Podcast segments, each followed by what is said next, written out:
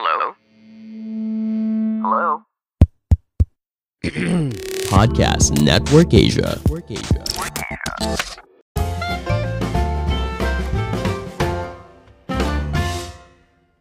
Halo semuanya, kembali lagi bersama saya Madianto. Kali ini kita akan membahas tentang strategi ketika biaya hidup naik. Upah minimum 2022 secara nasional hanya naik 1,09%. Hal itu tidak seperti tahun-tahun sebelumnya yang hingga 10%. Entah pekerja harus senang atau sedih menyambut keputusan ini. Sementara di saat yang bersamaan terjadi lonjakan harga kebutuhan pokok di musim hujan. Serta menjelang lebaran saat ini, harga minyak goreng, telur ayam, dan cabai sudah naik lebih dari persentase upah minimum. Kondisi ini membuat kita semakin menjerit. Kalau tidak pintar-pintar mengatur keuangan, bisa saja utang sana-sini untuk menutup beban pengeluaran yang membengkak. Dikutip dari Cermati, berikut adalah cara mensiasati biaya hidup yang tinggi meski gaji hanya naik tipis. Yang pertama, memperbarui rencana anggaran. Mengingat harga kebutuhan tidak sama seperti sebelumnya, langkah awal yang bisa dilakukan adalah memperbarui rencana anggaran. Buatlah daftar pengeluaran baru dengan harga teranyar. Belanja sembako, menghitung kenaikan harga telur ayam, minyak goreng, cabai, dan barang sembako lain. Kalau ada yang pengeluaran yang bisa dikurangi atau dipangkas dari daftar belanja sebelumnya, segera lakukan agar tidak besar pasak daripada tiang. Contohnya belanja sembako pada rencana anggaran bulan awal sebesar 300.000 menjadi 350.000 dengan adanya kenaikan. Kalau ada rencana pembelian kompor baru, maka kamu bisa mencoret atau menunda rencana tersebut kalau masalah kompor lama hanya karena sudah berkerak dan masih bisa dipakai. Kedua, mengontrol keinginan. Kebutuhan dan keinginan merupakan dua hal yang berbeda. Kamu bisa mengetahui perbedaan keduanya dari tingkat pentingnya barang tersebut dan alasan kenapa kamu membelinya.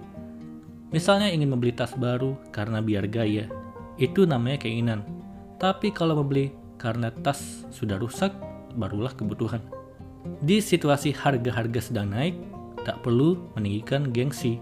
Kamu harus ingat bahwa gajimu tidak naik atau naik sedikit, sebaiknya hindari sifat konsumtif. Hindari gaya hidup bermewah-mewahan, namun sebetulnya tidak memiliki kemampuan finansial untuk menunjangnya. Ketiga, lebih banyak aktivitas di rumah. Sebaiknya tahan hasrat dan godaan untuk berpergian, terutama ke pusat perbelanjaan, supermarket, kafe, restoran, atau tempat lainnya. Pergi keluar pasti merogoh kocek, seperti ongkos transportasi dan jajan. Semakin sering berpergian, semakin banyak pula duit yang dikeluarkan. Kalau tidak ada kepentingan, sebaiknya tetap di rumah supaya lebih hemat. Keempat, bawa bekal makan sendiri. Ketika harga sembako naik, seperti minyak goreng dan cabai, pasti berimbas ke harga makanan di warung. Misal dari harga 20.000 menjadi 25.000. Itu artinya, kalau membeli makan siang di luar, biaya makan pasti akan membengkak. Jadi lebih baik masak sendiri di rumah dan selalu membawa bekal ke kantor. Lebih hemat, kalau 25.000 sekali makan di luar dengan memasak sendiri di rumah bisa untuk tiga kali makan sehari. Kelima, kurangi buka aplikasi belanja online.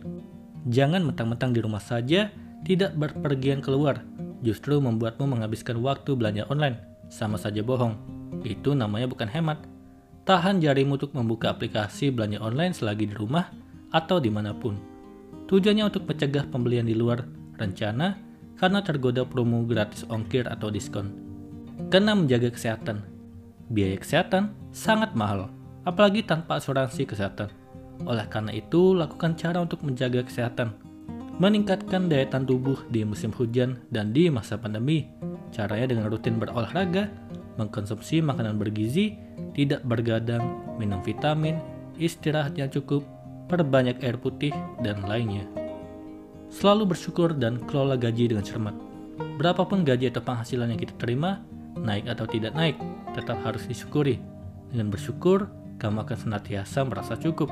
Di samping itu, mengelola gaji dengan cermat termasuk alokasikan untuk investasi, tabungan, dan dana darurat, sebab gaji besar pun kalau tidak bersyukur dan cerdas mengaturnya, keuangan akan menguap begitu saja.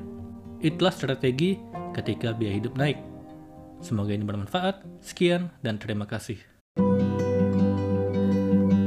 pandangan dan opini yang disampaikan oleh kreator podcast, host, dan tamu tidak mencerminkan kebijakan resmi dan bagian dari podcast Network Asia. Setiap konten yang disampaikan mereka di dalam podcast adalah opini mereka sendiri dan tidak bermaksud untuk merugikan agama, grup etnik, perkumpulan, organisasi, perusahaan, perorangan, atau siapa pun dan apa pun.